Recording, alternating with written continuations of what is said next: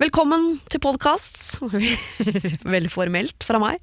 Siri, altså, som er da eh, hun som eh, hver helg drar med seg to gode hjelpere for å hjelpe deg så godt vi kan.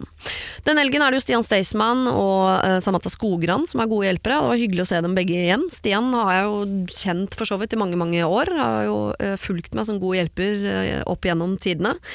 Uh, og er en fyr jeg syns er gøy å uh, høre hva han mener om ting. For man har hatt sitt inntrykk av han i utgangspunktet som en sånn rølpete fyr som bare reiser rundt og drikker øl og, og synger uh, sanger. Men så har han plutselig så mye mer ved seg. Han er en gift mann, han har unger, han har enebolig med platting og grill og alt det der. Han har vært yrkesmilitær.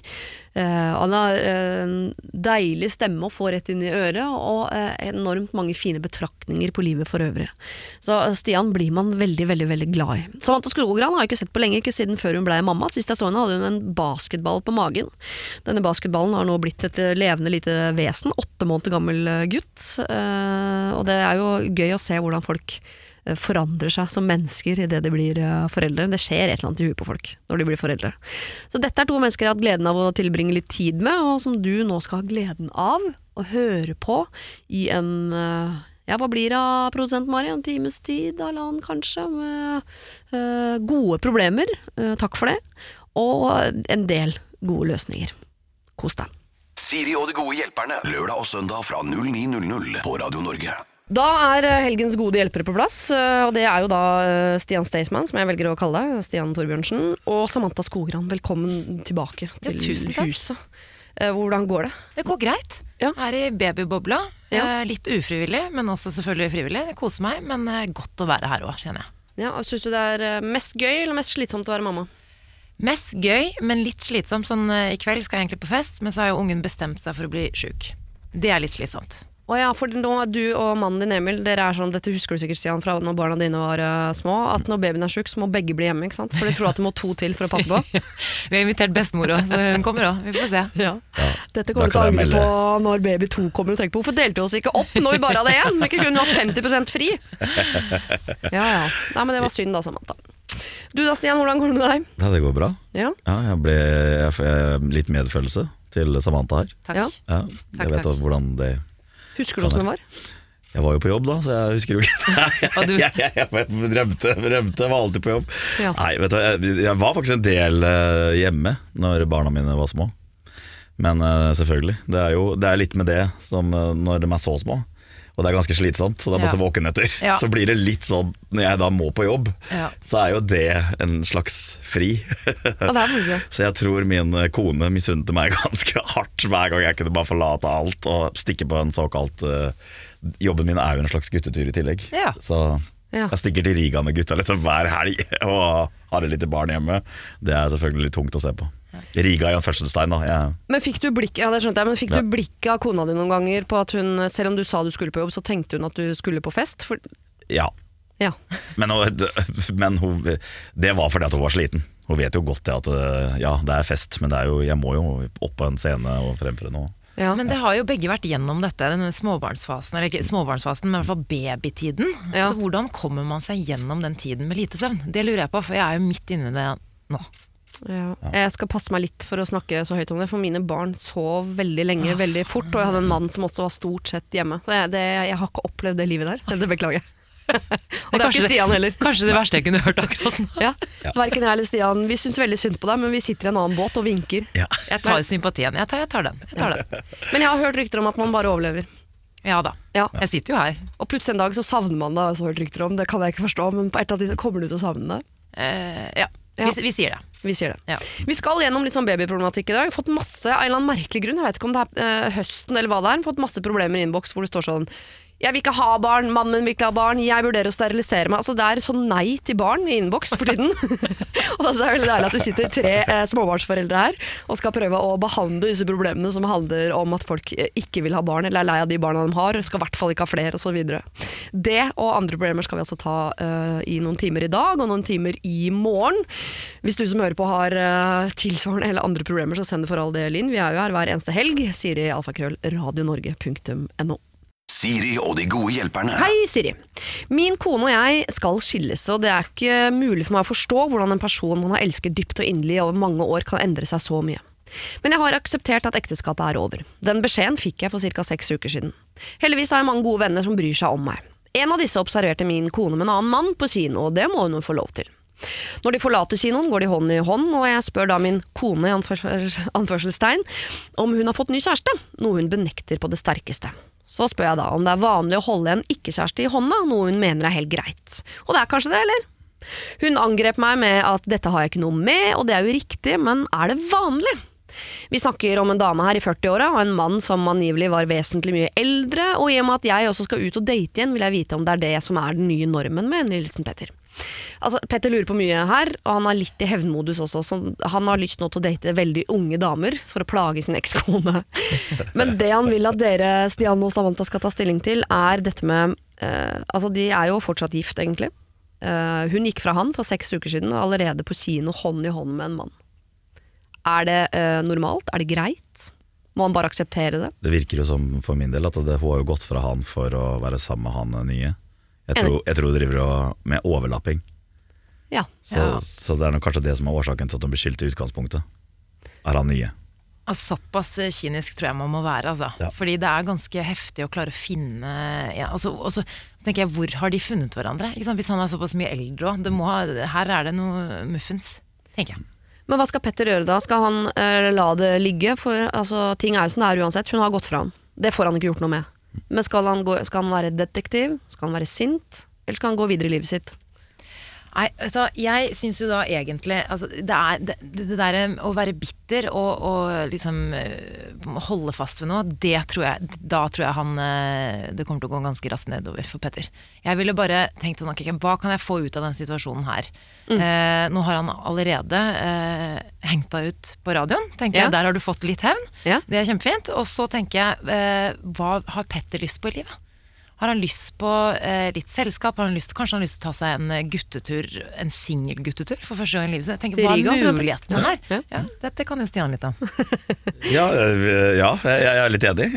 Du må bare finne ut hva du vil selv. Og hvis, er, hvis det gir deg en indre glede og uh, hooket, som jeg hører det heter blant ungdommen nå, med mm. yngre damer, så syns jeg at han skal gjøre det. Ja. Det Man får lov til å leve livet, han òg. Og det er kanskje det som er fint da, med at han er, hun og ekskona hans har blitt observert med lankene med en mann ute av en kino, mm. er jo at det, det kan være det endelige punktumet for han til også å kunne gå videre. Altså Han har carte blanche til å gjøre uh, så å si hva han vil nå. Men ja. jeg synes, og jeg er helt enig i at han må tenke på hva som er bra for han framover osv. Men jeg syns ikke han skal slippe ekskona. Jeg syns hun skal få slippe så godt unna. For når alle vi får en helt sånn umiddelbar følelse av at her er det en overlapping mm. Dette er HR-direktøren på arbeidsplassen hennes eller et eller annet som hun har drivet og, og ligget med bak hans rygg mens han har vært hjemme med unger og sitte, altså, holde på.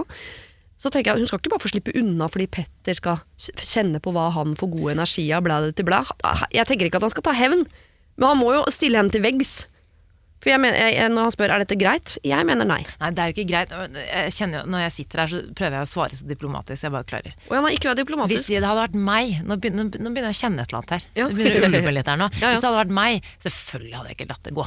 Nei. Jeg hadde vært sånn Du Emil, hvem er hun gamle kjerringa der? Hadde jeg sagt. Ja. Men bare for å få det på det rene. Men selvfølgelig bare ikke, ikke dvel. For det, det er alltid den som sitter igjen og som er bitter og sur. Eh, det er alltid den som får det verst, enn den som eh, går videre. Så jeg tenker bare ja, greit, du kan godt stille henne til vekst og ja. si at dette er ikke greit. Men så må du gå videre på et eller annet tidspunkt. Ikke vær, ikke vær den bitre. Nei. Enig. Men er det er ikke, Nå har jeg bare sånn teori oppi mitt hode om det. Mm. Er ikke det en vanlig altså, årsak til at forholdet går til granskauen? En slags overlapping? Jo, men det betyr jo ikke at det er greit. Nei, nei, men det er ganske normalt at det skjer. Ja, Det er ofte det som skal Det har sikkert vært andre ting som ikke har vært bra underveis, mm. eh, og så er det det som skulle til for at hun skulle gå. Det tror jeg det er ganske vanlig. Mm. Men jeg syns allikevel at Petter, som sitter igjen som den som lurer på hva skjedde, vi har elsket hverandre i mange år, hvordan kunne hun forandre seg Og hun har forandret seg veldig, plutselig. Det gjør man jo ikke bare plutselig, med mindre det har kommet en forandring inn i livet. Og da tenker jeg at Petter, det han har, uh, han har rett til Altså, han skal gå videre, han har, har krav på et godt liv osv., men jeg syns også han har krav på å få uh, svar på alle spørsmålene som surrer rundt oppi hodet hans. Ja, er, er dette grunnen til at jeg nå er uh, ikke gift lenger? Er det han? Hva heter han? Hvor gammel er han? Hvor traff du han? Når traff du han? Alle de tingene syns jeg han skal stille henne til veggs med. Og så kan han gå videre. Kanskje de tre skal sette seg ned alle tre sammen? Så kan han stille begge to. Kan jeg være med? kan jeg filme? Kan jeg filme? Ja. Jeg er, eh, jeg er La det ligge, tenker jeg. ass. Jeg tror du bare tråkker opp et vepsebord du ikke vil inn i. Men ja, klar- vi har ligget sammen det siste året, sier hun da. Ja. Hva hjalp det med selvfølelsen din, da? Ja, Hvorfor gjorde du det? Hvorfor gjorde du det? Og så, så får du et svar fordi at du er eh, kjedeligste mann jeg vet om i senga. Ja, Det bedra jo selvtilliten din veldig. Så jeg tror kanskje det Altså, mitt tips Ja. ta, Stikk ut på byen, kjøp deg noen nye klær og flørt masse med yngre damer. Og Ja. la hun eksdama di eh, ture av gårde med han gamle kælen som sikkert dauer om et par uker allikevel. Så angrer hun seg, og så vil hun tilbake til deg, og så kan du si nei, for nå har jeg funnet meg en 24-åring. Ja, for det, jeg ser plotten. Det her er jo en film. Det her har jo Ja. skjedd på film før. Vi har jo sett det. Ja. Og så er det jo han som står igjen som vinneren. Ikke Yes. sant? Hvor hun kommer og bare 'Å, men jeg vil ha deg tilbake', og han bare 'Nei, jeg er hot', og jeg er en hot dame. Ja. Ja, ok. Så Petter, du er nå eh, Du er på et spor hvor du har lyst til å ta hevn osv. Men den gode hevnen er at du får et så bra liv så videre, sånn at når hun står og knakker på din dør om en stund, så har du det så bra der du er at du er ikke interessert i å få tilbake kona di. Den filmen vil vi gjerne se. Men hvis det er sånn at du har masse spørsmål, så kan det hende at svarene er verre enn de som er i hodet ditt. Men hvis de som er i hodet ditt allerede er så ille at svarene ikke kan bli Tenk hvis han allerede har i hodet sitt da at hun har ligget med han et år, og så viser det at det var bare et halvt år. Uh, eller at grunnen var at han var dårlig i senga. Men det var ikke det som var grunnen, det var bare at uh, hun har en, en sykdom. Ja, ja, hun har en fetisj. Hun liker uh, skrukkete, uh, gammel ræv. Jeg vet ikke. Eh, så Petter, hvis du lurer på masse ting, så syns jeg du kan stille spørsmålene til din ekskone, hun plikter å svare. For det er ikke helt normalt å finne en ny mann på så kort tid. Dette her lukter overlapping lang vei. Hvis du har et problem, så send det inn til sirafakrøll radionorge.no. Siri og de gode hjelperne. Radio Norge. Hei! Min bestevenninne og hennes samboer venter barn nummer to. Men de har alltid hatt veldig dårlig råd, og de har dyre vaner. Og så har de en terrasse de aldri blir ferdig med. Jeg har vurdert å hjelpe dem, jeg, fordi plankene på terrassen er i ferd med å råtne. Jeg har også lyst til å melde dem på Luksusfellen, for jeg vil så gjerne bare hjelpe dem. De er fine mennesker, jeg ønsker dem alt vel. Men er det min sak å blande meg? Kall meg Iris. Skjønner du problemet? Her er det en som ser, står på sidelinjen av en, eh, noe som potensielt kan gå uh, lukt åt helvete, og vurderer å blande seg. Altså, Hilsen bekymret venn er det vel egentlig. Hun, ja. Eh, her kommer det jo an på eh, For det her kan faktisk handle om et vennskap. Tenk om hun hadde meldt det på Luksusfellen. Mm. Og så har du absolutt ikke lyst til å være på Luksusfellen når du er gravid med nummer to og kjempesur fra før. Mm. Og så sier du bare 'hei, jeg meldte deg på Luksusfellen fordi jeg er veldig glad i deg'. Altså, Vennskapet kan ryke, tenker jeg. Ja, Da skal du være så glad i dem at du er villig til å ofre vennskapet for at hun skal få det bra. Det er på en måte den betingelsesløse kjærligheten. Den tror jeg ikke fins, dessverre. Eh, Men hvis den gjør det, så, så gjør det, på en måte. For det, for det, ja, og vet at de er blakke, Ja, og så vet de og at de har dyre vaner. ja. Ja, riktig. Men jeg tenker sånn, skal man, skal man blande, eh, blande seg inn i vennene sine sin økonomi? Jeg tenker sånn, er Det uansett, det er jo ikke hennes ansvar. Nei. Jeg tenker at Det er sånn farlig. Politikk og, og penger, sånn, sånn, de to tingene der, det er farlig å, å, å blande seg inn i, tenker jeg. Ja, og kan du vite egentlig alt? Kan det Nei. være det at nei, det, hun jobber med det, han jobber med det, og så tar du regner opp i, i hodet ditt at det, det kan ikke være så mye penger den tjener til sammen, og Mm. så kjøper de sånn den bilen der til million? Altså Det er ikke sikkert hun vet alle, absolutt alle mulige årsaker til at det- de har råd til å ta seg en dyr ferie, da, eller kjøpe seg en bil til en million.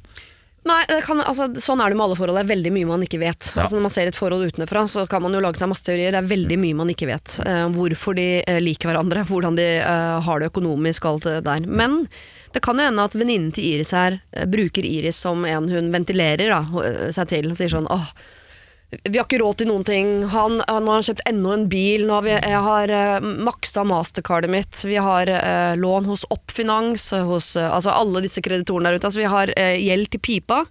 Eh, får ikke endene til å møtes. Jeg er gravid. Altså, det kan hende Det kan hende at Iris her har helt sånn konkrete eksempler på at dette eh, er ikke bra. Og det eneste de trenger, er at noen kaster kaldt vann i ansiktet på dem og sier nå må dere snu, nå må dere skjerpe dere. At hun er den som redder dem. Men er det ikke, fins det ikke andre måter å hjelpe til? Det var jo snakk om en terrasse her nå, var det ikke det? Jo. Jeg tenker, Kan man ikke bare møte opp mannsterke og, og, og finne sånne små måter å hjelpe dem på økonomisk? da, Spesielt når de skal få barn nummer to. Ja. tenker jeg Det fins jo andre måter de kan hjelpe til. Altså, det er ikke at de skal donere penger, Nei. men at de kan eh, altså, ja, jeg vet ikke, være en god venn på den måten. Jeg prøver å sette meg inn i det, akkurat det der. Mm. Altså, jeg vet ikke hvordan jeg hadde takla det. på en måte sånn der, Hvis uh, kompisen min brått hadde sånn low-key begynt å hjelpe meg økonomisk, liksom. Jeg er blitt veldig stressa av det, tror jeg. Sånn der, uh, hvorfor, liksom? Ja, så hvis de kommer med mat her på butikken, ja, ja, og så her har du fire handleposer med mat. ja. ja. For det er litt sånn amerikansk som kommer folk med sånn fruktkurv på døra og kyllingsuppe når du er forkjøla og sånn, men her i Norge så er vi, vi er veld, i det vi fyller ja, 2022, så er vi veldig opptatt av å klare oss sjøl. Ja. Jeg tror også Hvis det hadde kommet en venninne på døra med sånn hammer og spiker og skulle fikse verandaen min, så hadde jeg vært sånn Hei! Det, jeg klarer meg, flytt deg, liksom. Men dette er jo problemet med nordmenn. Man må jo kunne ta imot hjelp. Og så tenker jeg også sånn at heller det enn at det er sånn Hei, så er, står det et kamerateam utenfor med sånn Du er meldt på for Luksusfellen, du sliter, her er jeg Det er verre. Hallgeir ja. ja, kommer står han innom. skalla der og bare smiler. Nei takk. Ja, fordi økonomi er vanskelig, og hun er en, antageligvis her venninne i en vanskelig situasjon. Dette er helt sikkert ting hun snakker med mannen sin om. Uh, men hva Iris vil jo være en god venn, og vi, vi kan jo ikke sitte her og ta bort det. Vi kan ikke sitte her som tre gode hjelpere og bare 'slutt å være en god venn, gi faen, la de klare seg på egen hånd'. Uh, så hva kan Iris gjøre, da? Nei, jeg, jeg, jeg, stemmer for at hun skal finne andre måter å hjelpe til på. Og så heller kanskje hvis, hvis, det er sånn at de ikke tar hintet, sånn ok, jeg skjønner at uh, du prøver å si oss noe her, så setter du deg ned. Og det er, sånn, det er jo så ubehagelig, men si sånn du, jeg vet at det, dere sliter litt. Mm. Hva med å gjøre sånn? Så må du bare ta den praten hvis du absolutt skal blande deg.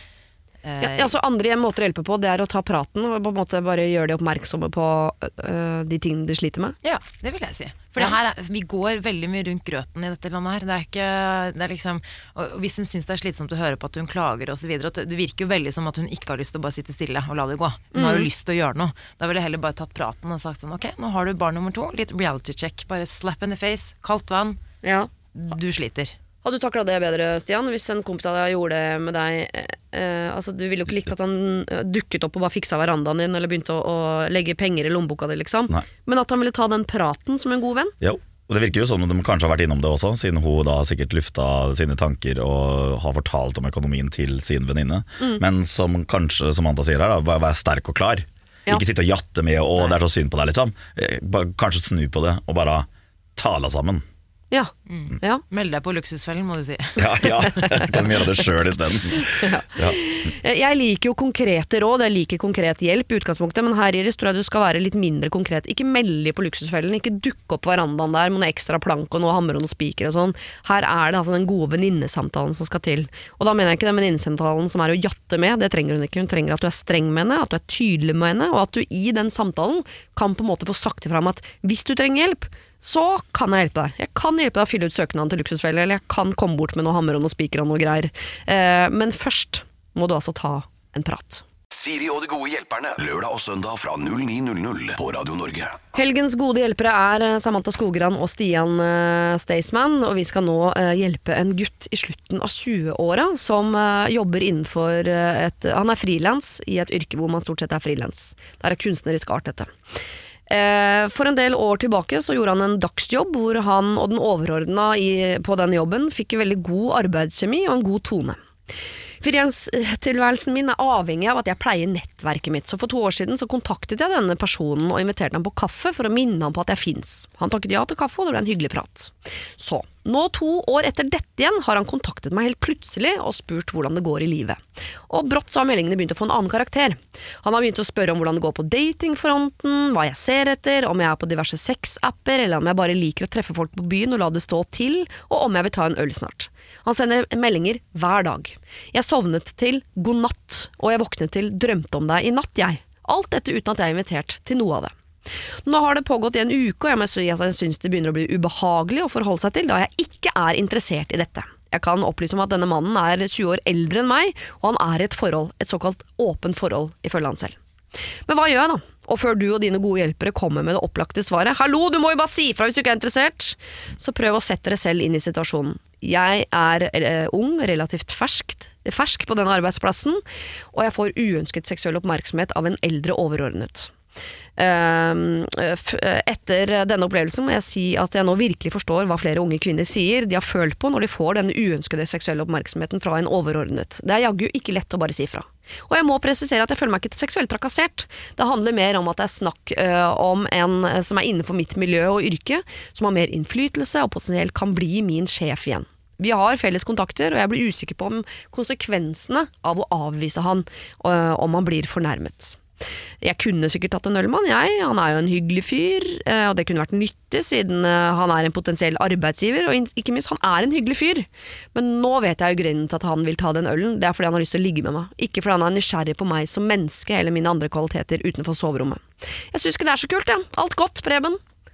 Oi da, Preben. Oi da, Preben. Oi, oi, oi, Preben. Nei, Jeg må presisere at jeg ikke føler meg seksuelt trakassert. Da har du feil følelse, for det er du. det beklager jeg. Det kan vi jo i hvert fall bare stadfeste med en gang. Ja. Eh, det her er liksom sånn, nesten sånn integritetsspørsmål, tenker jeg òg. Fordi eh, det første som slo meg, da, at han er 20 år eldre, han har erfaring i den bransjen, folk kjenner jo sikkert til han osv. Mm, han har makt. Det er, han Preben er garantert ikke førsteperson. Det er garantert veldig mange andre som vet at eh, han driver på sånn. Så det er det første jeg tenker. Hvis man er redd for at det her skal eh, stå i veien for en fremtidig jobb eller rykte til, til unge Preben her, mm. så tenker jeg at det her har garantert skjedd flere ganger. Så jeg tror han har litt mer makt enn det han tror. Preben. Synd og uflaks egentlig at han ikke forsvant i det metoo-dragsuget, han fyren her. For han høres ut som en fyr som hadde fortjent en liten runde med uh, den kalddusjen, for å være helt Det starter jo her nå, da. Eh, Ja. får vi problemet ut der, i hvert Da fall. må, han må jo bare, han, ja, som han sier selv at vi ikke skal si, da. At han, Mhm. han, at han må bare si ifra. Og være sterk og klar. Hvem Altså, skal han si fra da, direkte til han? Eh, Ja, det hadde sikkert kanskje fort hjulpet. Bare sånn, kanskje at han får en slags reality-sjekk, liksom. Bare hør her, jeg syns du er en bra fyr, Mm. Ja. men jeg har ikke lyst til å ligge med deg. Ja, eller sånn, jeg kan gjerne ta en øl med deg, men da, må det bli, da, da skal det handle om jobb, eller eh, spørsmål jeg har til deg. Det kan ikke være noe seksuelt. Og det, det, her tenker jeg det er viktig å være sterk, fordi hadde, kanskje hadde Preben vært 20 år eldre, Ja. og så på en måte snakket til seg selv, sin 20 år yngre selv, så hadde har jo sagt sånn Fader, Preben, du skulle, vært, du skulle vært sterk og sagt ifra. At jeg angrer på at jeg ikke sa ifra. Her tror jeg han kommer til å angre hvis han ikke er tydelig nok. For hvem orker å få uønsket oppmerksomhet eh, på mobilen hver eneste dag? Altså, altså Ja, og jeg Ja, tror at Han bare utsetter problemet med å fortsette å på en måte jatte med. Da, jeg tror du må liksom ta det ganske tidlig. Ja. Eh, altså, ja, men selvfølgelig, det er vanskelig når det er en overordna, men det er sånn eh, Nå skal jeg prøve å sette meg inn i å være overordna, ja. ikke sant? Altså hvis man er på en arbeidsplass, da. Eh, nå er jeg, jeg begynner å pushe 40, ikke sant? og så har man en kvinnelig kollega, ikke sant? og så skal man Og du, man, man er overordna. Og så er man keen på den kvinnelige kollegaen, så kanskje man sender et kompliment. Ikke sant? Eller gjør noe Da har man ikke tråkka over noe grense. Nei. Ikke sant? Det er når man vedvarer det. Ja. Du begynner at det blir, går over til trakassering. Men hvis du da sender et kompliment, og den, den jenta skjønner at ja, ok Det er det som er så vanskelig med det her, synes jeg. For det, hvis du sender et kompliment, så er ikke hun keen på noe mer. Men de er, de har, det blir en sånt eh, maktforhold her at de har ikke keen til å være direkte avvisende heller. Hvor det er kanskje det som hadde vært, gjort susen.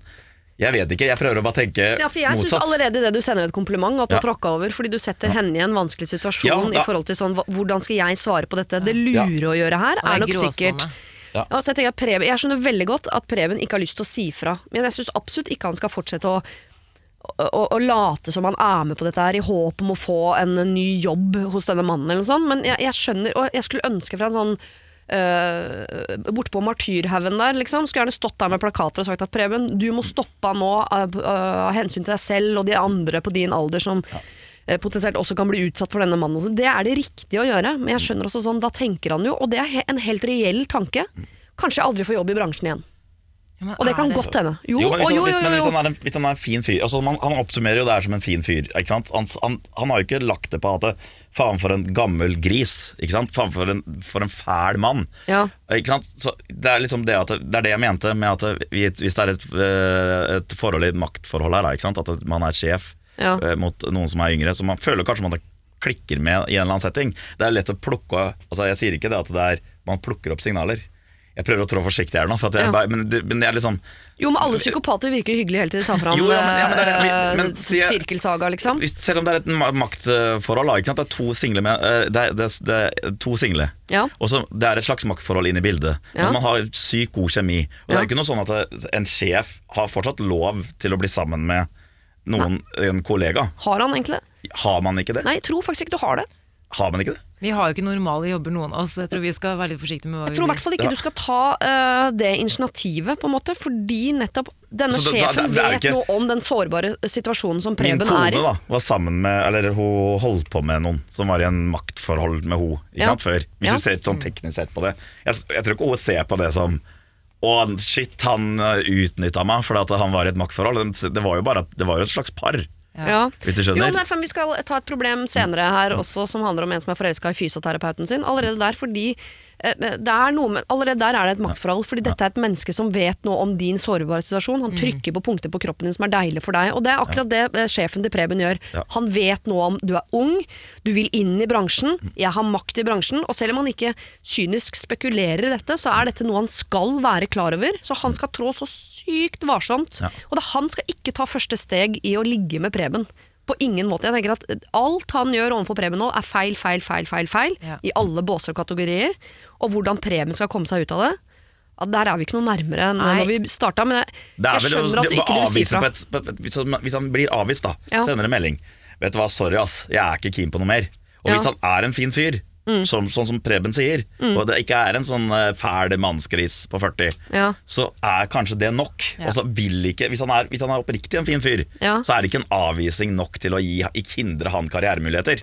Da, var, da kanskje han som var eldre og i et maktforhold, tenker sånn Shit, hva jeg drevet med, liksom? Der tolka situasjonen feil. Der Jeg trodde trodde han var keen på meg. Jeg vet det, men shit, og det kan jo heller snu til det positive. Ja. At, at han sier ifra, kanskje gjør at eh, Shit, liksom. Det var, det var, han tok den. Vær tydelig, men vennlig. Jeg, jeg syns Ja. du er en kjempefin fyr, men jeg er ikke interessert i noe mer. Men kanskje vi kan ta en kaffe og ta en prat eller ikke. Altså, hvis det er sånn, da. Det virker som han har lyst til å holde kontakten på en eller annen måte. Ja. Han har bare lyst til å bli kvitt den uønskede oppmerksomheten.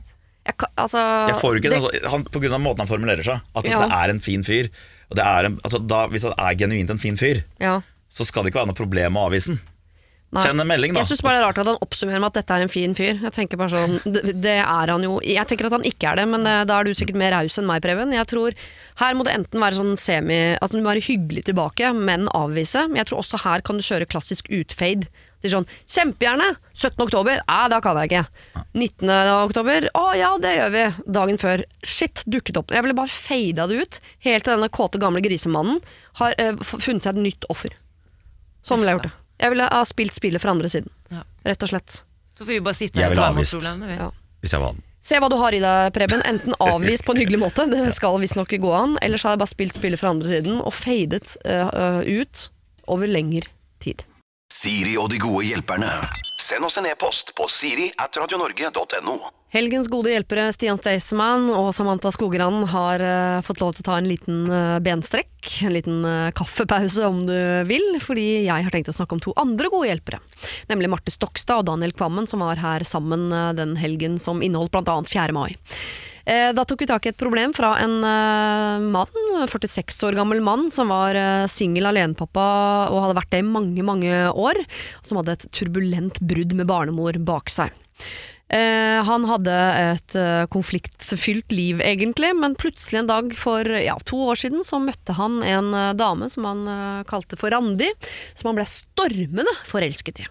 Eh, Det som er dumt, er at eh, Randi hun var eh, gift, og selv om hun var et ekteskap som ikke var helt bra, så gikk hun altså ikke fra mannen sin. Men denne single alenepappaen han klarer ikke å glemme Randi. De har mye kontakt, har hatt det lenge. meldinger, snaps osv. Um, og når denne Randi da krangler med sin mann, eksempel, så var det alltid da denne single alenepappaen hun tok kontakt med.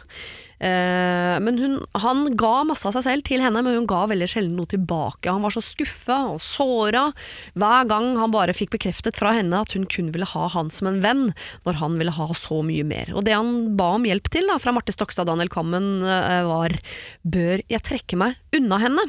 Og her er noe av det de svarte. Dette er en Randi er en player. Ja, Randi, dårlig dame. Dårlig dame, Randi. I sitt liv så trenger hun bare en hun kan sende melding med som eh, heier på henne, og hun kan si hva som skjedde i en krangel, så tar han hennes parti osv. Så, videre. Mm. så hun bruker jo han, kanskje ikke bevisst, men eh, som en litt sånn eh, koseklut i sitt eh, litt triste liv. Ja. Det er helt åpenbart at hun ikke har helt At hun ikke er noe kul med han. Men det tror ikke hun har evnen til å skjønne sjøl på dette tidspunktet. Og hvis du har et håp om at eh, det en gang skal bli dere, så er det større sannsynlighet for at det skjer hvis du kutter all kontakt. Dette var altså noe av det Marte Stokstad og Daniel Kvammen mente kunne være lurt. Eh, hvis du vil høre det i sin helhet, men da så laste ned podkast fra den 4. mai. Vi har fått en ny mail fra denne mannen hvor han skriver eh, Takk for at dere tok opp mitt eh, problem. Eh, angående Randi så har jeg nå trukket meg litt unna gradvis, da jeg først prøvde å kutte helt ut og sende meldinger, med å sende henne info om at jeg hadde vanskeligheter med å forholde meg til henne kun som en venn, da hodet mitt hadde kjørt seg fast i at hun der, hun skal jeg ha. Hun syntes det var trist at det måtte ende sånn, men som hun selv sa, så kunne hun ikke lage følelser for meg som hun ikke hadde. Det holdt vel ca. tre dager eller noe før jeg starta å sende god morgen-snapper igjen, men nå svarer jeg kun på meldinger, og er ikke den som sier hei først, selv om jeg har egentlig lyst til å chatte med henne 24-7. Så til litt info om fremgang, da. Jeg har sagt ja takk, eller jeg har sagt takk for meg på treningssenteret der vi møttes før, og var på de samme gruppetimene to ganger i uka, og har nå startet et annet sted for å bli sendt med nye mennesker, eh, parentes damer. Jeg velger ofte gruppetimer da, som har masse damer, ja, som mage-rumpe-lår-timer for eksempel. Det, det er veldig proaktivt. Jeg velger ofte eh, Nei, telefonen har jeg nå gradvis klart å legge mer og mer fra meg, og heller fokusere på de jeg har rundt meg. Jeg føler at livet smiler til meg nå som jeg nyter singeltilværelsen. Jeg fikk faktisk en klem av sønnen min her om dagen, plutselig fordi han følte at jeg var mer til stede nå enn før når jeg bare satt med trynet ned i mobilen hele tiden. Jeg må nok bare gi meg selv litt tid til å slutte å eh, henge meg opp i damer som tydeligvis ikke er interessert. Dette her ser jeg på som et kjempeframskritt. Uh, at du nå klarer å legge bort mobilen, eh, tenker at hvorfor skal jeg bruke tid på damer som ikke vil ha meg, men at du fortsatt er på leting etter en å dele livet ditt med. Jeg håper at du får det til. Siri og de gode hjelperne. Send oss en e-post på siri at radionorge.no. Eh, kjære Siri og de gode hjelperne. Jeg har en kjæreste som jeg har bodd med et år nå. Vi har vært sammen i to. Jeg elsker henne virkelig, men i det siste har det blitt litt tøft. I begynnelsen var det vill sex hele tiden, gjerne tre ganger om dagen. Nå i det siste har det gått ned til ja, en gang i uka, annenhver uke kanskje. Ikke nok med dette, så plages vi med litt dårlig økonomi, og vi blir ikke enige om hvordan pengene skal deles. Hun har også i det siste begynt å gå meg litt på nervene, da hun virker som hun alltid er sur og gretten. Så langt høres ut som et veldig vanlig forhold. Jeg er en logisk person, men forstår ikke dette. Jeg har virkelig satt henne ned for å prate om hva som skjer. Hvorfor vil du ikke ligge med meg? Hvorfor blir du så sint så ofte? Og hvorfor er du ikke villig til å samarbeide slik at vi kan ha en god økonomisk framtid? Hun sier bare at hun er sliten, orker ikke å gjøre noe, kommer alltid opp med nye unnskyldninger. I det siste har jeg tatt meg selv i å flørte med andre jenter, og kanskje virker jeg som en person som har lyst til å være utro, rett og slett fordi jeg får ikke det jeg trenger av dama. Men jeg vil jo ikke være en sånn person, jeg har ikke vært en sånn person fra før. Jeg er i eget firma, og jobber stort sett 50-80 timer i uka, og den lille tiden jeg prøver å tilbringe med den personen jeg elsker, eh, så virker det som hun ikke vil være sammen med meg. Jeg kjenner at eh, min mentale helse er i ferd med å knuses, og jeg blir deprimert, eh, uten at jeg har slitt med psyken før nå. Dette påvirker bedriften min også, og de ansatte. Hvis kapteinen ikke er til, eh, til stede, så går skipet feil retning. Jeg kjenner at jeg er på et punkt i livet hvor samlivsbrudd ville ødelagt meg. Dette vet ikke hun. Jeg har spurt henne rett ut om hun vil at vi skal slå opp, og da får jeg til svar at nei, det vil hun ikke, hun elsker meg veldig høyt. Jeg trenger en kursrettelse, Andreas. Ok, eh, først Tips nummer én. Ja. Ikke få barn. Vent med å få barn. Ja. Det, er liksom, det er tips nummer én. Og, eh, og så tenker jeg sånn eh, Her virker det som om han eh, Det virker som om roten til alle problemene hans ligger i dette forholdet. Og hvordan det går med de. Ja. Eh, Er det en dårlig fase, eller er det sånn at du må kjempe videre? For her, her var det ikke mye positivt å høre i det forholdet der. Og du må ikke friste han, eller du må ikke lede han ut på det der 'dette er bare en fase'. For jeg tror Hvis man har ligget sammen tre ganger om dagen i begynnelsen, og så går man ned på én gang annenhver uke, så er det ikke sånn at man vips er tilbake på tre ganger om dagen. Den, Men er ikke den det fasen normalt? Kommer man noen gang tilbake til den fasen? Nei, Altså, nei, nei, nei. Det blir aldri tre ganger om dagen igjen. Al aldri. Aldri, aldri, aldri. Så hvis det er det viktigste, så må du bytte hest hele tiden. på Ja. en måte. For det gjør man bare i begynnelsen, når man er ko-ko forelska, og så slutter man med det. Ja. Dessverre. Jeg må bare si fra uh, denne siden av uh, bordet. Nei, jeg, kan, jeg sier det tilbake til deg fra Ja, den siden ja. av bordet. Nei, deg om, dere om det. Ja. Ja, men du kan du ikke Du kan også bekrefte det. Jo, selvfølgelig kan jeg det. Ja, 100 av Ja, ja. menneskene i dette rommet kan bekrefte det. At den tre ganger om dagen-fasen, den går over. Ja. Ja. Ja, skål. Påpeke at det var Cola Zero. Men det er jo kjipt. Du, altså, vi er jo alle foreldre. Jeg skal ikke prøve å dra inn småbarnsforeldre igjen hele tiden her nå, men det, i hvert fall, jeg har jo en liten gutt på åtte måneder, så det, Mm. dette- den overgangen der var jo også litt sånn Det har jo vært litt tøff for forholdet, det òg, fordi det handler jo bare om babyen. Mm. Men når det begynner å stagnere såpass eh, før det er noen unger involvert i det hele tatt, da Mm. tror jeg virkelig at man skal ta en reality check og tenke er det her verdt det? Ja, du elsker henne høyt, men er dette livet verdt å leve? Det høres jo ikke noe hyggelig ut i det hele tatt, og spesielt hvis du begynner å vurdere å, å ligge med andre jenter.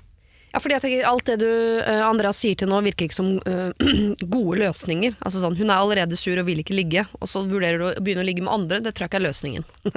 Nei, det kan vi si. Nei, det tror jeg ikke Men han jobber jo 50-80 timer i uka med et eget firma. Uh, og eh, igjen så driver jo man driver jo egne ting. Eh, det gjør jeg også. Og jeg jobber altfor mye i perioder. Det kan jo være eh, der, litt der problemet ligger. At de ikke er nok sammen. Ja, At de ikke Ja. er nok til stede. Det kan det være, hvis hun fortsatt elsker han, da, og han elsker hun Og at eh, det her har blitt en sånn et, et eh, punkt for henne som hun sliter med. At han er vekk hele tida, kanskje prioriterer jobb hele tida foran henne. Det gjør han sikkert åpenbart òg, hvis han jobber opptil 80 timer i uka. Ja. Så det er godt mulig at han kan det, stagnere det, men samtidig så er kanskje de 80 timene nødvendig for at de skal få ting til å gå rundt. Da. Jeg vet jo ikke. Hvis de allerede har litt dårlig økonomi, liksom. Ja. Ja. Men jeg er enig sånn eh, når man kommer inn i den fasen hvor noen begynner å bli sur Det er vanskelig å snu hvis du allerede har blitt litt sur i et forhold. Da må det jobbes, og begge må jobbe, og man må øh, være villig til det. Det er litt sånn verdens mest hårete sammenligning, men det er du kan ikke ha en plante, og så slutter du å vanne den planta. Det eneste du sier til planta, er nå må du sl- slutte å visne. Jeg skal vanne deg snart. Snart skal jeg vanne. Du skal få vann snart. Slutt å visne, da. Slutt å visne, da. Ikke vær så visne, da. Og så er planta dau. Ja. Så det, han- man må jo jobbe med forholdet egentlig hver dag. Ja, og det kan hende at det, problemet ligger hos han. Uh, igjen snakke om meg sjøl, da. Eh, jeg gikk rundt, uh, siden jeg jobba så mye, så hadde jeg en sånn der formening om at da skulle alt være på stell når jeg kom hjem fra jobb. Ikke sant? Eh, mens hun går hjemme med en liten unge. Forferdelig plagsom greie. Ikke sant? Jeg kunne våkne opp på mandag og bli irritert for at det var leker overalt. Ja. Eh, og det, det irriterte jeg meg skremmende lenge over. Og det begynte å, å kjefte på kona mi, liksom. Ikke sant? For at det blir litt sånn at du blir bortskjemt når du er litt på turné, og du blir bare kasta Alt er tilrettelagt, da. Ja. Men så skjønte jeg det at det, det tok meg et kvarter å fikse det sjøl. Ja, og når Ja. jeg da begynte å stå opp om morgenen Her har jeg sovet i tolv, hun er på jobb, ungen er i barnehage. Herregud, det var bare å fikse det sjøl. Ja. Så ble alle happy. Hun kom inn, og det var ryddig, og jeg var happy for at det var ryddig der. Og så, så bare blomstra forholdet igjen på et vis. Nei, så men det, men så kan, det kan være så små, enkle ting Ja. som gjør altså Kanskje at han bør se på seg selv først. Ja. Ikke henge seg så veldig opp i at kona Hvorfor er dama di sur? Finn Og hvert fall svaret på det spørsmålet, for jeg tror det ligger hos han. Ja, det er jo, det er jo det, veldig det er en grunn til at hun er sur og sliten, og uh, den grunnen må du finne ut av hva er. For hvis dere får bort det, så kommer hun til å ha lyst til å begynne å ligge med han igjen. Jeg tenker at det er sånn ultimatum som er til. Jeg har vært i en lignende situasjon også, da jeg fikk vite at eh, typen eh, kanskje var lei, så da, da våkna jeg. Ja. Da ble det brått bedre. Måtte bare vite, jeg visste jo ingenting. Det kan være at hun ikke vet hvor alvorlig det er. Så ta en prat, still ultimatum, så kanskje hun Ja. endrer seg. Andreas, her må du rette oppmerksomheten innover. Se om det er noe du gjør. Se om det er noe du kan gjøre, eller dere kan gjøre sammen for å få dette bedre. Ikke kommenter at hun er sør. Ikke kommenter at dere ikke ligger sammen. Se om dere to sammen kan finne en løsning som gjør at øh, hun blir blidere, Øh, får lyst til å ligge mer. Altså, ikke sitt bare og snakk om det som er problematisk. Begynn å vanne planta, som jeg liker å si, istedenfor å snakke om at hun er vissen. Så Andreas, selv om du gjerne ville at vi skulle si at hun er et eh, problem, så tenker jeg det er ikke nødvendigvis at du heller er det. Eh, men se om ikke det er der du kan legge inn litt ekstra arbeidsinnsats. Siri og de gode hjelperne. Helgens gode hjelpere er Samantha Skogran og Stian Staysman. Og uh, gårsdagens episode så nevnte jeg at vi skulle innom dette uh, fysioterapeutproblemet. Uh, en som er forelska i fysioterapeuten sin. Uh, dette er et problem jeg har vært borti mange ganger i min problematiske karriere. Fordi det er ganske vanlig å bli forelsket i sin fysioterapeut. Her står det. Jeg trenger hjelp. Jeg er en jente på 23 år som har gått til fysioterapeut i et par måneder, og fysioterapeuten vil jeg tippe er tre-fire år eldre enn meg. Han er skikkelig kjekk, og jeg har blitt så betatt av han. I behandlingstimene snakker vi om alt mulig, og det virker som vi har god kjemi, men jeg har samtidig forståelse for at dette er nok en del av jobben hans, det å være hyggelig mot meg. Han har aldri nevnt noe om at han har dame, altså. Jeg tenker å snart avslutte behandlingen hos han, da problemene mine er betydelig bedre, men derimot så ønsker jeg å bli bedre kjent med han. Men jeg vet ikke hva jeg skal gjøre. Please, hjelp meg. Hvordan skal hun øh, få han? er et spørsmål her. Altså, eh, et generelt spørsmål først. Mm -hmm. Hvorfor er det så mange pene fysioterapeuter? Det, jeg, har jeg har aldri vært hos en fysioterapeut som ikke er attraktiv. Jeg er enig, men, jeg- og jeg, jeg legger inn også der kiropraktorer og, Ja. og homeopat, altså alt. Ja, ja. Homeopat har ikke vært hos, det mener jeg. Det er noe annet. De uh, deler ut sukkerpiller over en lav sko. Ja, altså, eh, har det første jeg ville gjort, da, hvis det var meg, var jo å prøve å finne ut litt mer på sosiale medier. For det er litt sånn eh, kjipt å legge an på denne personen, og så bare Ja, jeg er gift og har tre barn, jeg. Ja. Eh, men eh, der tenker jeg hun er såpass ruttesen at hun eh, kanskje har sjekket allerede, men kanskje hun ikke Ja. fant ut. Er ikke det da Da, da, det går, jo, da går vi tilbake til den tidligere problemstillingen, da. Ja. Eh, men eh, som fysioterapeut da så har man jo en slags eh, makt over henne. Mm. Hvis hun sender melding til han, så har hun tatt initiativet, det er greit. Ja. Men burde ikke han da tenke at jeg har jo en slags makt over henne, så jeg burde vel ikke ta og approache de tilnærmingene, for at eh, jeg har liksom trykka på de rette knappene eller stemmene. Ikke sant? Men, ja, men jeg, jeg, jeg, altså, Jo, men jeg tror faktisk helt ærlig sånn Lovmessig så tror jeg ikke han har lov til å innlede noe forhold til henne. Da skal det gå ganske lang tid. Ja. Og jeg tror med det jeg tipper at du kan jo alltids prøve å gjøre et framstøt, for jeg tipper du er nok ikke første, og heller ikke eh, Det har vært sikkert 30 stykker før deg som har gjort dette, så han har nok en sånn automatisk svar på dette. Det har jeg ikke lov til profesjonelt. Men hvis det er sånn at han liker henne så godt som hun liker han, så tipper jeg det fins noen smutthull, og det, altså det fins et univers eh, der ute som gjør at de to kan bli sammen. Men hun har, tenkt å, hun har jo tenkt å avslutte behandlingen snart. Ja. Hvor lang tid må det gå før det er greit å, å møtes da? Jeg tenker, Er ikke det innafor, eller fins det strenge regler på det? Nei, det, nei være jeg tipper det lenge. regler på det, hvor Ja. lang tid det må gå. Men da forholder han seg jo antageligvis til det. Da. Sier sånn ja, om øh, to måneder og 23 dager kan vi møtes på Men tror du han gjør det? Ja, Det er ikke sikkert, det. nei, men han er han er jo ikke avstumpet bare fordi han tar på seg hvit frakk. Så er det jo sånn at på et eller annet tidspunkt så kommer det et menneske inn i det rommet som han tenker sånn Hun var finere enn de andre. Ja. Ja, men Det er derfor jeg tenker at det, å sette han i den posisjonen igjen Hvis Ja. hun prøver seg på han med en gang, så er han jo en mann. da Ja, ja, Hvis eh, han er keen på henne i tillegg, ja, så er det jo lett å glemme den profesjonelle tilnærmingen til det. ja. Herregud, hun liker jeg så godt. liksom Å shit, jeg fikk en melding av henne på Faceren. Det er sjukt. Her, er, det- her kan jeg kjøre på. Ja, men da da, tenker er ikke det hans, er ikke det hans Da tenker jeg at det er hans problem, det må han ta stilling til. Hvis han velger å gjøre noe ulovlig overfor sin arbeidsgiver. Ja. Men samtidig så skal han være forsiktig, da, fordi det at du er forelska i fysioterapeuten din, det er ikke sikkert det er ekte. For det er noe med at hans jobb er én ting, han tar på kroppen din. Altså han er fysisk med deg. Eh, han er i en posisjon hvor det eneste han er opptatt av, er deg. Det har du aldri opplevd med en mann før. De vil også at du skal være opptatt av han. Det slipper du her. Altså, det, er, det er en situasjon som ikke fins, egentlig. En kjekk mann som er god med kroppen din, og som er 100 opptatt av deg og din velvære. Han, han fins ikke i virkeligheten. Det er en jobb. Så jeg tror Hun kommer til å bli skuffet også hvis du treffer han ute og du ser ham i sivilt. Og sånn, 'Å ja, han gikk i kordfløyel han fra topp til tå', og sånn halternekk. Det orker jeg ikke. Og så er han jo ekstremt kjedelig, og plutselig skal han være opptatt av seg. Han har snakket om at han drømmer om å bli pilot i to timer, og har ikke spurt meg om én eneste ting. Det kan hende hun hater han sivilt. Ja, men da, men da, har- da har hun i hvert fall funnet ut av det, så kan hun legge det vekk. ikke sant? Men du mener jo da egentlig at det burde forbli en, en fantasi. At han burde bare være den kjekke fysioterapeuten som hjalp henne den ene gangen. Men jeg er litt mer sånn romantiker. Jeg tenker Hva hvis det er ekte kjærlighet, da? Tenk om hun gikk, går glipp av en, en eh, storslått romanse fordi at hun var for forsiktig. Og jeg tenker Hvis de avslutter behandlingen, ting kan gå litt sånn sin naturlige gang, og alt er på eh, Altså, Ja. alt er riktig, da. Så Jeg fikk jo beskjed om at jeg ikke skulle bli sammen med Emil, for han var idrettsutøver og jeg var sportsanker. Jeg sier ikke at det er det samme med tanke på regler og sånn og sånn, men vi dret langt. ga, ga langt faen i det. Ja.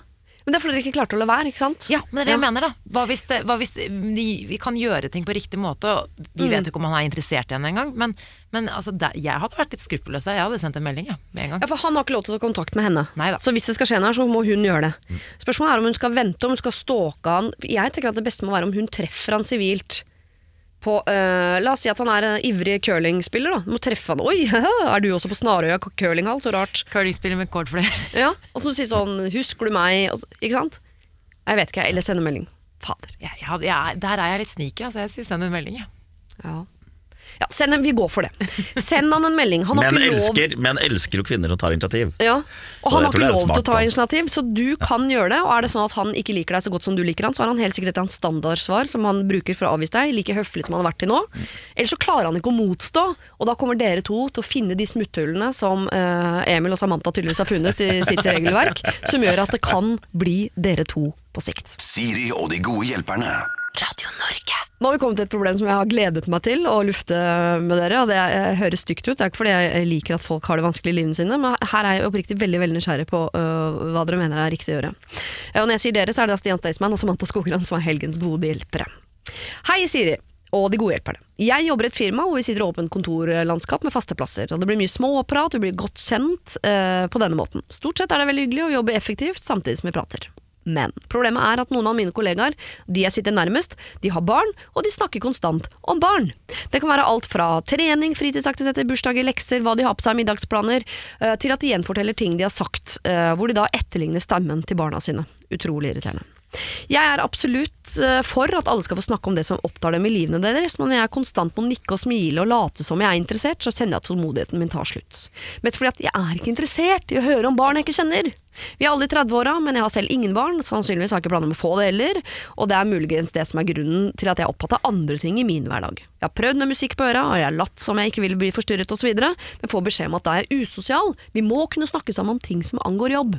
Det er ikke et alternativ å bytte plass. Antageligvis da heller ikke jobb, bare hvis dere tenkte at det var muligheten. Mitt spørsmål er, før jeg blir smågal av å høre om andres barn dagen leng- lang, kan jeg si noe, eventuelt hva, eller skal jeg bare fortsette å holde munn og late som jeg er interessert? Ta gjerne imot tips til hvordan min hverdag kan bli bedre. Her- Tobbe skal vi kalle vedkommende her. Okay. Ja, Tobbe? Tobbe, ja. Hei, Tobbe. Tobbe. Hei. Nei, det her, Jeg må bare le, fordi det her er noe jeg har tenkt på veldig mye i det siste, faktisk. Ja. Fordi jeg har nettopp fått barn selv, Ja. og så har jeg veldig mange venner som akkurat har fått barn. Ja. Og, Nå skrur du Tobbe av. Orker ikke å høre om det. befinner meg i en situasjon Det kommer snart. Hvor alle, alle, og da mener jeg alle som Mm. har fått barn, liker jo å fortelle hva ungen nettopp har fått til. Mm. Og jeg trodde at jeg skulle bli mer interessert i sånn prat etter jeg fikk barn selv, men jeg syns det er dørgende kjedelig. Jeg, jeg, jeg forstår han kjempegodt. Ja. Og øh, Men det er fordi din sønn har ikke kommet med gull fra barnemunnen ennå. Det er bare gulp Nei, fra han gjør jo, han gjør jo masse gøy, men jeg deler jo bare med barnefaren, for det er jo ingen Ja. andre som er interessert i det, og det vet jeg selv. Ja. Og jeg, selv om jeg syns han er verdens vakreste, så forstår jeg at alle andre ikke gjør det. Ja. Eh, Det bra. når det er sagt, hvis han skal si noe hvis, eh, Jeg kan bare se for meg at hvis jeg hadde sagt noe til vennegjengen, bare kan vi prate om noe annet enn barna? Så hadde folk bare sett meg og bare Du er så sur, du. Ja, du det, her, det her kommer til å skje med han også. Du, ja, men du har ikke barn, så du forstår ikke. Han kommer til å bli den sure gubben på jobb hvis han sier ifra. Så det er, er mine felt. Og det er det verste, sånn som Tobb Tobbe kan høre, er jo at vi sier du har ikke barn, så du skjønner ikke hva dette handler om. Eh, Det er en utrolig irriterende setning, men det er jo, det er jo også fakta, på en måte. Eh, Men vi, det, sånn er det jo. Vi kan ikke få Tobbe til å eh, komme inn i en boble som han ikke vil være i, eller ikke har noe å gjøre i, på en måte. Jeg har, jeg har et tips til Tobbe. Ja. Det han gjør, at han tar igjen. Når han kommer på jobb, så snakker han om sine ting som interesserer han. For det at når du har kommet inn i den foreldrebobla, ikke sant? så har du, du lever jo et litt annet liv enn det sikkert Tobbe gjør. Han er jo ungkar, eh, spellemann eh, ute på byen. Så han, han kan overkjøre dem litt med å fortelle om eh, Fy fader, i helga var det mye damer og greier, og fortelle all drikkinga og sånn. Ja. Og bare for å se litt på det at de kanskje kjenner igjen den tida før barn, Ja. og blir litt misunnelig på Tobbe. Så kan man prøve å snu det til noe positivt, at dem blir nysgjerrig på han isteden. Hva har det du gjort i helga? Ikke sant? Ja, Første ja. de spør om, for de kan leve livet sitt litt gjennom Det han. tror jeg kan funke. For jeg digger å snakke med mine venninner som er på en annen Altså som er single og ute og fester, for du, Ja. du lever jo litt gjennom det. det jeg tror det funker, jeg, faktisk. Men det må jo være en annen på jobben, for det er jo eh, deilig med et publikum når man forteller eh, historier fra helga, men det er deilig også at det er noen som kan relatere, ikke bare komme sånn anekdoter fra 80-tallet hvor de også var på byen, aktig, for det er litt kjedelig. Eh, Men så Tobbe må bedre, finne da. en Det er bedre det. Ja. Altså, da, ja, ja, ja, jeg husker når jeg var ung òg. Jeg drakk mer enn deg. Da kan de begynne å snakke og ha en sånn Da kan de mimre fra 80-tallet. Ja. Han syns sikkert det er sikkert kulere å høre om dem, dem unga. Ja. Eller alt det gærne de gjorde før de fikk unger. Absolutt, men så tenker jeg også at istedenfor å late som du er interessert, det, tror jeg, det skal du slutte med. Men uh, det han Tobbe gjør nå istedenfor når han uh, må late som, er at han blir litt irritert og sur og virker som han uh, ikke er sosial osv. Det er dumt. For du får ikke de til å slutte å snakke om ungene helt. Men jeg tenker at du må ha en sånn helt åpen humor på det. Sånn 'Å, snakka vi om barna våre igjen?' Altså Jeg ville bare kjørt litt sånn syrlig sarkasme. Fordi vi som er inni den bobla, vi vet ikke hvor mye vi snakker om barna før det blir poengtert. Og jeg hadde tålt midt inni min tredje anekdote om gulp, at noen sa sånn Uh, jeg syns ikke gulp er så spennende, på en måte. Eller at jeg hadde blitt sånn Kan jeg få se bilder av gulp, eller? Har du en statue av gulp? Kunne, kronikk om gulp kunne jo vært noe. At man blir eh, altså, satt litt på plass, humoristisk. Ja, men jeg, jeg er såpass hårsår, og det kan jo være at noen av disse eh, foreldrene også er det. At det, hvis han hadde vært sånn syrlig mot meg, så hadde jeg blitt sånn ah, du er frekk, ass. Hadde du det? Ja. Så hvis noen har kommet til deg da på dag sju på jobben og sagt sånn Åssen går det med håndballkarrieren til minstemann, da? Har det blitt noe bedre på Frosk, eller åssen ligger han? Ja, Altså, da, da hadde jeg ledd sånn, og så hadde jeg ikke snakket med han. Å oh, nei. Ja. Nei, Så- Tobbe, sånn da må du gjøre det. Mm. Ja. ja, du må se an eh, mødrene. Har de selvironi eller ikke, på en måte. Har ikke det, Nei. om du ikke skjønte det. Det er deilig å si fra. når folk sier det. Har ikke selvironi. Takler heller ikke kritikk eller motstand. Nei, det gjør ikke det. Nei, Det gjør ikke det. Nei, det gjør ikke heller, faktisk. Akkurat det der. Men uh, Så det Tobbe skal gjøre, er å begynne å snakke hardt om fylla. Ja. Ja. Helt til de andre har på en måte blitt hjernevasket, og bli med. Det blir en sånn preken. så Alle bare samler seg. Bare 'Å, fortell mer!' Tobbe. 'Å, herregud, du er så kul!' Sto og dansa på bordet. Wow! Ja. Ja, men Sånn jeg opplevde det før. Ja. Sånn, sånn Før jeg fikk eh, barn. Og dem som hadde. Mm. De, de levde litt, liksom, litt igjennom meg. Kom på jobb på mandag. 'Hva har du gjort i helga?' Ja. Å, fortell, da! Fortell, da! Hvor mange ja, ja, ja, Møtte du henne litt? Møtte du henne? Ja, jeg møtte henne litt. Men hva skjedde? Hva skjedde? Der sitter de og bare Det levde meg. hele livet. Ja. Det er meg. Ja. Og hvis ikke du har det livet, Tobbe, så er du allerede i gang med å drive og late som du er interessert i barn. Så nå kan du late som du har gjort helt sjuke ting i helga. Det er lov å ljuge lite grann for å slippe å høre om gulp. Det syns jeg kunne vært et kinesisk ordtak, så jeg gjentar det. Det er lov å late som du har vært på fylla for å slippe å høre om gulp. Siri og de gode hjelperne. Send oss en e-post på siri at radionorge.no. Jeg, lillesøster 27 og familien min har et alvorlig problem med bror, kall han Harry. Utenfra er han en sport og sekk-fyr med fast jobb, altså en A4-dude. Han er 30 år, 31 år og har et alkoholproblem. Han blir uspiselig ved inntak av alkohol, men er verdens beste bror når han er edru. Vi har i flere år satt spørsmålstegn ved hans alkoholkonsum, og egentlig tenkt ja ja, han er vel glad i en fest, da. Men så smalt det på familieferie i sommer. Han sitter og heller innpå øl fra morgen til kveld, og blir mer og mer fjaste og i rart humør, noe som alle blir veldig stressa, og stemningen blir klein. En kveld der hele familien dro på restaurant, ble han faktisk så ufyselig at han satt og fjerta hele kvelden. Det er krise. Hele kvelden endte med at dro, han dro videre på fest. Jeg aner ikke hvor. Og til hans kjæreste store fortvilelse kom han ikke hjem før neste morgen klokka åtte. Og disse hendelsene der Harry bare forsvinner og slår av mobilen i alkoholpåvirket tilstand, er helt uproblematisk, ifølge han. Og det skjer ofte. Altså han har null selvinnsikt.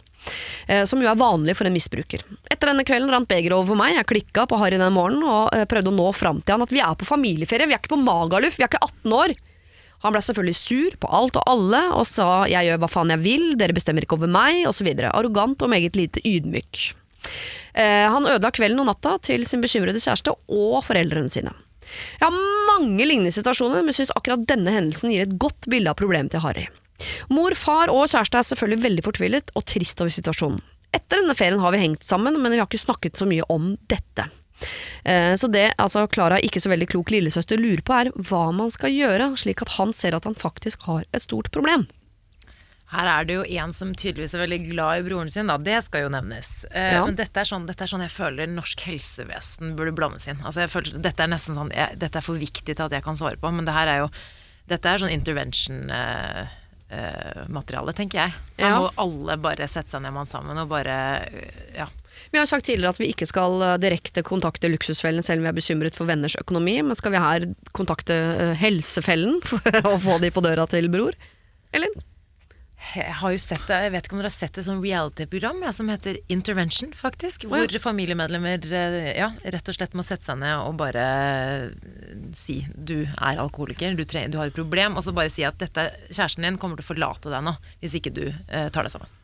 Er det der det står en flashmob bak? Uh, er det den? Ja, jeg, nei, det vet jeg ikke nå, men det, Ah. høres jo, det er jo fra USA, så det er godt mulig. Ja, det er. Nei, så det, det som er oppe og vedtatt her, er at det er et problem, eller at han blir ufyselig fylla? Og at han, drikker mye når han først drikker? Ja, han det er jo da ofte et problem. Ja, men, Ja, ja. Om han er alkoholiker, det vet jeg ikke, men når han drikker så blir han ufyselig. Han forsvinner, skrur av mobil altså, det høres det, Han er en fyr jeg ikke kunne vært sammen med mer enn i 20 minutter. Nei. Så han har tydeligvis en veldig tålmodig kjæreste. Ja. Eh, Og familie for øvrig. Men eh, hva kan man gjøre da? Jeg tipper du i din bransje Stian, har antakeligvis møtt en del folk opp igjennom som er en sånn type. Nå skrur du av mobilen og blir borte i et døgn, mens kone og unger sitter hjemme og lurer på ja, Ja. det, ja, det har hendt. kan det, Får man snudd de, liksom? Ja. ja Litt av problemet her er at det er vanskelig å vite Altså Hvis en god venn av meg hadde åpenbart hatt et alkoholproblem Litt av problemet er at det, som er i hvert fall min bransje, og sikkert i alle andre bransjer også, at det, finnes så sjukt mange mennesker som kanskje har et alkoholproblem, men som klarer å kombinere det med jobb. Det, det, det blir jeg så sykt overraska over. Ja. Hvordan klarer de menneskene å være suksessfulle? Det går kanskje en begrensa periode, da, men som åpenbart har et problem. Og det, det er så vanskelig da å luke altså, Har han et problem, eller har han ikke? ikke sant? For de, de er velfungerende ellers. Så jeg, jeg føler at det, det er litt av uh, Må man ta vurderinga her. Er han velfungerende ellers, eller er det liksom når han drikker? Og hvis han oppfører seg som en tulling når han drikker, da, så må han slutte å drikke sammen med familien. da Ja. men uh, hvordan forteller han det? Det er jo denne intervention-metoden. Men Ja. Uh, ja, jeg Eller man er bare umoden. Ikke sant? At man, han er 18 år i huet enda Det er jo mange Ja. 31-åringer som er det. Ja. Ja. Jeg tror også dessverre noe av problemet er at man er vant til å få kjeft fra familien, og svarer med sånn 'herregud, jeg gjør som jeg vil'. Så jeg tror ikke familien er de riktige til For det er ingen i familien som applauderer at du blir drita. Ikke sant? Så det, og samme kjæreste, da er det veldig lett å tenke sånn 'å ja, du liker ikke at de drikker', så det er typisk kjærester. Jeg tror bare løsningen kan være For jeg tipper at vennene til Harry syns at Harry er så kongekul. Han bare ble ja, gæren, ass. Nachspielkongen. Bare du skulle sett den, han var ikke hjemme før dagen etter klokka to. Typisk Harry, er så lol, han fyren der, bla, bla, bla. bla. Så han applauderes jo i vennegjengen avtageligvis som den morsomste fyren av dem alle. Og så er det bare kjæresten og familien som er kjipe i Harrys hode, som ikke ser at det er gøy, sånn som han holder på. Så jeg tror det øh, riktigste som kunne skjedd her, er jo at vennegjengen hans på et eller annet tidspunkt sier sånn Harry, nå, nå er det ikke noe gøy lenger. Ta deg sammen. Jeg vet hva jeg ville gjort nå når jeg kommer på noe lurt. Jeg ville filmet han når han er på sitt mest ufyselige, typ fjertingen på restauranten. Og så ville jeg vist det til han. For det spørsmålet er, vet Harry hvor ufyselig han egentlig er? Og hvis han er en sånn oppegående, kjekk, øh, fin fyr ellers, så har du ikke så veldig lyst å være han som fjerter, og han som tryner og spyr og overalt. Nei. Så kanskje hvis han får sett sin egen oppførsel. eh, Det er kanskje litt drastisk, men eh, det er det jeg ville gjort. Jeg Det tror det det må drastiske ting til. og David jeg- Hasselhoff fikk vel seg litt på den Men måten. hamburgeren, ja. Ja. Den, eh, når de ungene publiserte videoen drita. Ja. Det var en oppvekker for den, tror jeg. Han endte jo på rehab og sånn rett Ja, etterpå, så ja, ja. det var jo bare sånn ding! Ja. Og så var det gjort. Harry må filmes, rett og slett. Og legges ut på Facebook. Ja, ja. Må gjøres som Baywatch-stjernene. Ja. Jeg tror ikke vi skal ha det som en kategorisk løsning. Men jeg tror også at eh, det må få noen konsekvenser. For jeg tipper det at eh, familie, kjæreste osv. blir sure, og så går det over, og så er det helga igjen, og så blir du sur på. Jeg tror bare på et eller annet tidspunkt så, så må det få en konsekvens. Ja, ja, men det er jo de gått, som er mest. Ja, men derfor du må nesten si altså, Kjæresten må si hvis det her ikke blir bedre, så går jeg fra det. Rett og slett. Ja. Men nå er det jo lillesøster som ber om råd til hva hun kan gjøre. Jeg vet, det tror jeg er vanskelig som lillesøster å nå inn her, for han er vant til at det lillesøster, storesøster, mor og far sier er bare at han skal oppføre seg. Får ikke lov å tatovere seg, får ikke lov å dra til Syden, skal ikke drikke. Han syns bare dere er fornuftig kjedelige mennesker som han ikke hører på. Så uh, i så fall må man gjøre det med kjærlighet. Gå inn og si sånn Jeg er oppriktig bekymret for deg. Hvordan går det? Du er klar, du kommer til å miste kjæresten din på dette. Tror, tenker du at du kan bli far med dette? Mm. Hva med jobben? Altså, jeg tror man må bare få han til å innse at han er ufyselig, og det kan nok hende at vi må gå en tur innom Hasselhoff på det. Filme han, vise det, og gi masse kjærlighet. Kan det være veien inn? Ja. Prøv det. Eh, Klara ikke så veldig klok lillesøster, og se om han biter på de greiene der. Jeg håper det fungerer. Jeg vil gjerne vite åssen det går. Eh, Så hvis du prøver noe av dette her, og det funker eller ikke funker, så vil jeg gjerne ha en tilbakemelding på det til Siri radionorge.no. Siri og de gode hjelperne. Jeg skal helge, ta- la helgens gode hjelpere, altså Stian Staysman og Samantha Skogran, få en slags liten pust i bakken. Eller vil si, det er, nå kommer kanskje det som er vanskeligst, for nå får dere ikke lov å snakke om andre mennesker, må snakke om dere selv. Og hvordan dere er som foreldre. Oi. Ikke sammen, da, for det har dere lite erfaring med, vil jeg tro. Men eh, kan begynne med deg som er mest erfaren på området, Stian. Hvordan er du som pappa? Hvordan er jeg? Altså, det, det, det er sånn sykt vanskelig. Jeg, jeg tror jeg er um, Eller jeg vet vel at jeg, jeg er mye strengere enn uh, mora. Ja. I hvert fall til, til minstemenn. da. Uh, jeg er litt sånn jeg føler meg så litt sånn, jeg er kanskje til tidvis sterk og klar, men så er jeg også litt sånn der vanskelig Jeg gir miksa signaler. Det er sånn der, jeg kan være sykt sterk og klar på visse ting. Bestemme meg for at den krigene der, den skal jeg ta. Og så kan det være helt totalt øh, Så kan jeg gå imot meg sjøl. Så jeg er egentlig sånn derre jeg tror jeg er en dårlig Jeg er en sånn pedagog. Ramla du er ned på dårlig far som resultat av dette? Nei, nei, nei. Nei, men, nei, men jeg er bare sånn Jeg vet ikke. Jeg, jeg, jeg, er liksom en slags resultat av min mor, som var, var ganske streng mot meg. Mm. Eh, men på en bra måte, da. Det var kun gjort med kjærlighet. Sånn som Hver gang jeg sier at 'å, du er så streng hele oppveksten min, mamma'. Ja, hvor mye ulovlig gjorde du, da? Ja. Ja. Det var ingenting. Ja, hvem vant? Ikke sant? Ja. Få meg lose meg fram til jeg var 18. Mm. Og så merker jeg at jeg arva mye av de tinga, samtidig som jeg prøver jo å liksom Men jeg skvetter stadig vekk om meg selv, og hvor lik jeg egentlig er mora mi. Ja. Men det er det beste mennene, er de som er lik mora si. Er det det? Ja, Det er de beste mannfolka. De som du, hvor du ser 'å, her har vært en tydelig mor til stede'. Ja. Det er de beste Men det er litt sånn rart, for at i vårt forhold så er det jo da min kone er mer Hun er lik faren sin. Ja. Altså det, det er, de har bare snudd hele greiene litt på hodet. Jeg tror det er ganske vanlig. Vi er helt hos meg også. Jeg er lik min far, og han er lik sin mor. Fungerer utmerket. Ja. Da er vi helt enige om hvem som er sjefen i huset. Ja. Jeg, jeg, som sagt, jeg var, var slet litt med å oppsummere, men jeg liksom prøver liksom å Jeg syns det var fint, jeg. Var det det? Ja, jeg synes det var fint. Ok, greit. Ja, for man pendler mellom det man skal være streng, men samtidig så er det noen man vil at skal eh, elske seg. Så er det jo barna som man vil hele tiden slippe på. Man vil jo bare gi de alt de vil ha, alt de ber om, og så må man være streng. Så man er jo fram og tilbake og inn og ut av de dørene hele tiden. Og det var bra at det ikke var bare jeg som følte på det. tror det er meget vanlig. Jeg vet ikke om du har kjent på disse tingene allerede, Samantha, men ser du noen konturer av hvordan mor du kommer til å bli? Ja, nei, det, ja, jeg har jo ikke vært mor så lenge, som du påpeker, men jeg, eh, jeg, jeg merker at jeg er en som definitivt setter eh, barnet mitt eh, først. Altså Uansett hva jeg gjør, så er det liksom han som Jeg prioriterer han i alle mulige settinger. Eh, men når det er sagt, så vet jeg at jeg er, eh, som jeg var før jeg fikk barn nå, ekstremt utålmodig. Ja. Eh, Så det her med gråt, og når ting liksom ikke Ja, når ting havner litt utenfor min kontroll, da kan jeg bli ganske stressa. Men der har jeg jo da en partner som er helt ulik meg. Han Ja. er så tålmodig. Ingenting er for mye, ingenting er for eh, stress, ingenting. Så der tror jeg vi har en god balanse. Men jeg, definitivt, jeg ser at jeg har, jeg har noe å jobbe med med sånn den tålmodigheten. Fordi jeg kan tenke meg at når ungen din står der, ikke vil ha på seg parkdressen og spytter deg i trynet, da må du telle til ti. Og der har jeg, der, jeg kan se for meg at det der kan Det kan bli en, eh, et problem. Ja. Være tålmodig, det er jo en egenskap eh, man skulle ønske man eh, hadde, og den får man eh, testa, for å si det sånn. Og det blir ikke noe bedre.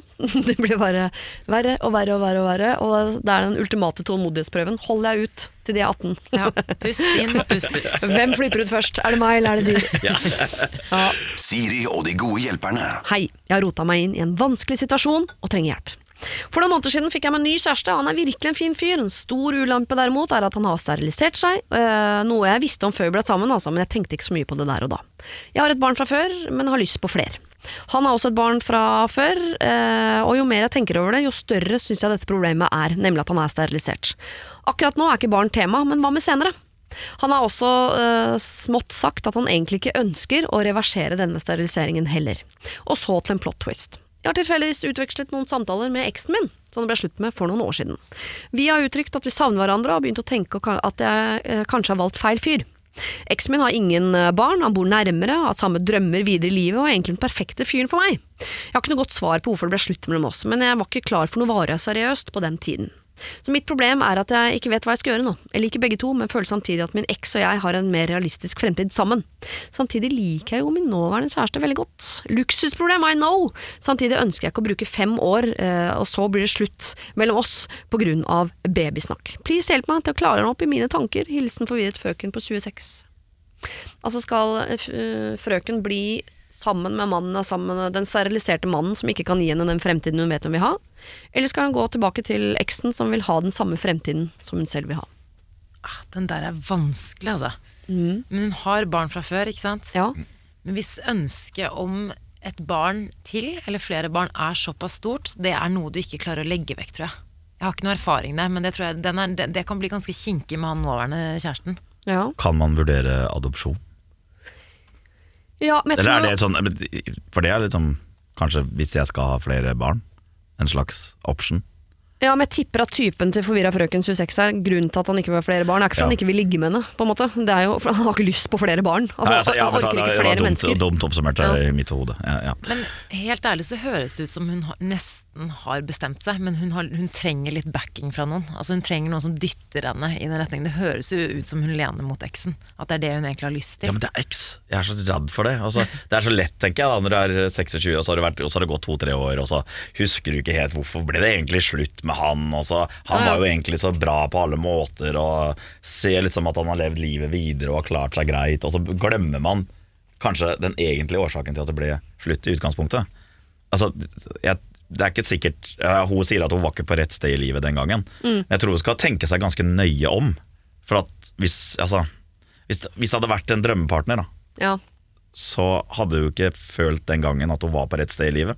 Hvis det her var en hun skulle dele Jeg vet ikke. Ja, jeg, bare- jeg, er så, jeg- er så redd for exit, for det er, Ja. sånn, det, det er en grunn til at det er en X. Og så Ja. går det tre år til, og så er det, så samme Så blir det slutt igjen. Men den grunnen kan være timing, det mener jeg. Jeg, jeg, Ja. er stiller meg overhodet ikke bak den 'hvis det er meant to be, så er det meant to be'. Nei, det er det ikke, for det handler om veldig mye annet også, blant annet timing, hvor du er i livet osv. Jeg har ikke et negativt ord å si om noen av mine ekser. Jeg tror jeg kunne levd et godt og langt og lykkelig liv med de alle sammen. samtidig, helst. ja. Men samtidig, det er en grunn til at det ble slutt. Men jeg tror hvis hun møter denne eksen igjen, så tror jeg, ser jeg helt fint for meg at de kunne blitt sammen og levd et helt fint liv sammen. Men jeg, bare, jeg, jeg syns forvirret frøken skal ta et valg som ikke er basert på noen av de to gutta. Hva er det, hva er det hun vil? Jeg, tror- jeg syns hun skal være sammen med noen. Nei, såpass, ja. Ja. Jeg ser en fremtidig konflikt hvis hun blir med den fyren hun er sammen med. Og det er hvis du da, eh, apropos det man selv har lyst til, Ja. hvis hun har lyst på flere barn, og hun ikke kan få med den, og han er jo veldig tydelig på at han ikke har lyst til å reversere steriliseringen, han har ikke lyst på flere barn. Og så blir det den der bitterheten, så skal du leve med det sånn Å, men jeg har jo så lyst på den. Ja. Det, der, det der blir sånn bitterhet over lang tid. Men skal hun ta et valg på det nå? Fordi hun vet, hun vet ingenting om fremtiden. Det kan hende han ville reversere. Det kan hende hun mister lysten på barn. Så hun vet ingenting om han fyren hun er sammen med. Så det er ikke et problem mellom de nå, men hun skaper et problem som kanskje kommer. Det samme er det med eksen. Hun ser for seg at det kan bli bra. Hun vet ikke. Det kan bli bra, det kan bli dårlig. Altså Hun vet ingenting. Synes det er så vanskelig at hun skal ta et valg nå basert på hva som kan bli bra eller dårlig om en stund. Og så er, hun, så er hun 26 år. Jeg, kan, eh, nå er jeg, jo, jeg, er ikke, jeg er ikke så mye eldre, men jeg har jo blitt 30 år. Og det jeg tenker nå versus det jeg tenkte da jeg var 25, det er to helt forskjellige ting. Så Ja. jeg tror jeg ville tatt et annet valg nå enn det jeg ville tatt for fem år siden. f.eks. så kanskje hun skal gi det. Jeg vet ikke. Hun har kanskje ikke Eksen kommer kanskje til å finne seg noen, altså, men hun burde kanskje gi det litt tid. Ja. Jeg er litt enig i at hun ikke skal ta, en, eh, ta et valg akkurat nå. Jeg synes ofte det som er vanskeligst, men som er mest effektivt også, er at hvis man er i en situasjon som, hvor man ikke vet Det er mange valg, man vet ikke hva man skal hva, ikke sant? Sliding doors osv. Er å gjøre noe litt sånn dramatisk, som igangsetter en del prosesser som gjør at du blir tvunget til å ta noen valg. Så det jeg ville gjort her, tror jeg, er å snakke med han jeg var sammen med, om det hun sier til oss. Ja. Jeg har møtt eksen, jeg. Han, øh, han øh, viser meg en framtid som jeg merker jeg har lyst på. Han har lyst på barn, det har jeg. Du vil ikke ha barn, bla bla, og sette i gang en potensielt kjempekrangel som kanskje ender med at hun blir dumpa. Men da har du igangsatt et eller annet som gjør at du er nødt til å ta valg. Ikke bare tenke på at du kanskje burde tatt et valg fordi fremtiden bla, bla, bla. Eller at han plutselig kjemper for henne. Og jeg er enig, altså, du må starte et eller annet. Det må bare En sånn dominoeffekt. Bare ja, få det på. Ja. Du ser skeptisk ut, Stian. Hva, altså, Nei, nei, jeg bare um, øh, Det var så mye Det ble sagt mye kloke ting der. Så jeg, var, jeg, var sånn, jeg, ble, jeg bestemte meg for å lytte. Ja, for hvis eh, no, eh, en kjæreste kom til deg eh, og satt deg til veggs med et valg du hadde tatt for for dere to, nemlig vi to skal ikke ha flere barn, og sier sånn 'jeg skal ha flere barn', og nå står eksen min utafor med kølla i hånda, klar eh, som eh, et egg. Jeg lurer på om jeg går ut og ligger med han, jeg. Ja. Nei, jeg vet ikke. Jeg tror ikke nødvendigvis at du setter i gang den prosessen du kanskje selv vil. Altså Hvis du får at Hvis han da føler seg trua, han vil ikke miste da til sin, den eksen, og så skal han liksom Nei, men jeg lover jeg kan reversere meg, og Ja. så vil jeg egentlig ikke han det, så tror jeg det kan bare, egentlig bare utløse en konflikt. Kanskje ikke der og da, men i hvert fall på sikt, kanskje. da At han gjorde et valg som han egentlig ikke ville. Ja. Så jeg, det, jeg vet ikke om man skal liksom true den heller, liksom. At jeg Nei. går til eksen hvis uh, ikke du gir meg barn, så drar jeg til eksen min og får barn. Jeg hørte at det kom sånn ut, det var ikke ment som trussel eller ultimatum. Jeg tror bare hun skal involvere han i de tankeprosessene hun er i. Ja. Jeg elsker deg, men jeg tror jeg har lyst på barn. Det vil ikke du. Hva sier de om fremtiden? Jeg tror hun, altså de, alle de tankene hun går med inn i hodet sitt, og som hun vil at vi skal hjelpe henne med å rydde opp i, jeg tror hun må rydde opp i de sammen med kjæresten sin. Hun må få de tankene ut. Mm. Uten tvil. Ja.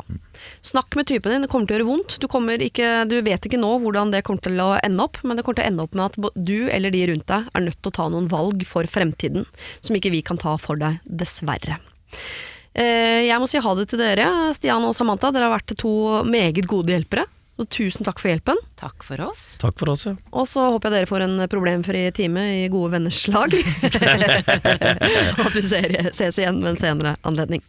Siri og de gode hjelperne, lørdag og søndag fra 09.00 på Radio Norge.